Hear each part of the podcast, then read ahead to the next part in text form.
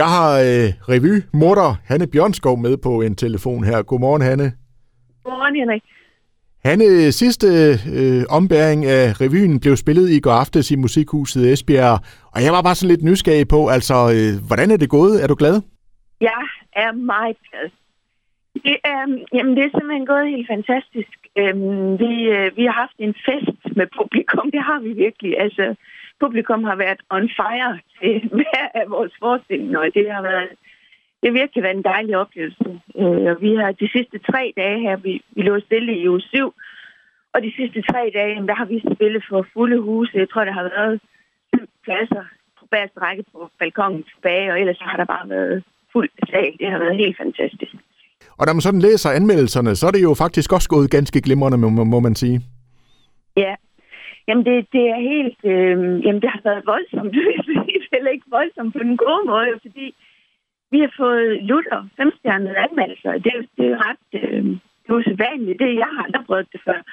Øh, så jamen, det har bare været, det har været en forrygende sæson. Øh, det har det virkelig, og det var en forrygende revy.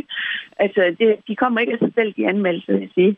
Men altså bare lige sidste spørgsmål her, Hanne, fordi jeg forestiller mig også, altså I har jo været øh, virkelig, altså det har jo været en intensiv øh, omgang, ikke både i forhold til, til at, at øve og alt det her, og så selvfølgelig også i forbindelse med, med forestillingerne. Jeg forestiller mig, at I har været tæt knyttet, og så nu, sådan, whoopty, så er I spredt for alle vinde igen. Altså det må være sådan lidt en, en mærkelig fornemmelse, tænker jeg.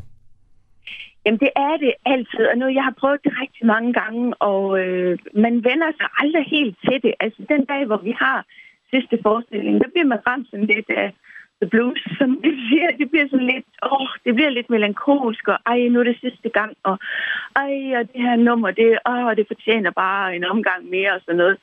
Men, og det sådan har vi det alle sammen. Men altså næste dag, så er man også øh, så er man videre igen, og vi snakker selvfølgelig sammen, og vi har vores øh, der gruppe og, øh, og øh, har aftalt med Trine, vi skulle ringe sammen i dag her og sådan noget. Og alle er jo videre til nye opgaver. Men det er bare sådan en lille, man bliver sådan en lille familie i den periode, hvor det står på, og vi spiser sammen. Og, så selvfølgelig er det altid trist, når, når det stopper, men der er jo intet, der var ved. Altså, så starter deres nye eventyr. Og bare lige til sidst her, hen, altså bliver der så en Esbjerg-revyen 2024, vi kan se frem til? Det gør der. Øh, ja, det gør der. Det er 100% sikkert, og det bliver i den samme periode som i år. Så øh, man kan godt allerede krydse af, fordi jeg ved, det kom lidt bag på mange, at vi rent faktisk havde flyttet revyen. Det har, også, det har vi været lidt udfordret på, at, øh, at det skulle folk lige være opmærksom på. Og vi har også været udfordret på, at priser på øh, energi steg så meget, at folk de brændede op med alt andet. Men øh, det har vi indhentet her øh, i den sidste periode, så vi, vi lander på et øh, publikumsantal nogenlunde på højde med det, vi havde i 21, og jeg havde ligesom kalkuleret med en, en, en vis nedgang i form af, at vi flyttede og sådan noget. Øh, havde vi haft en voldsom nedgang, så er det ikke sikkert, at jeg havde lyst til at, at gøre det igen, men det har vi ikke. Og, øh, så vi er friske. Vi er klar igen i 24. Dejligt, dejligt.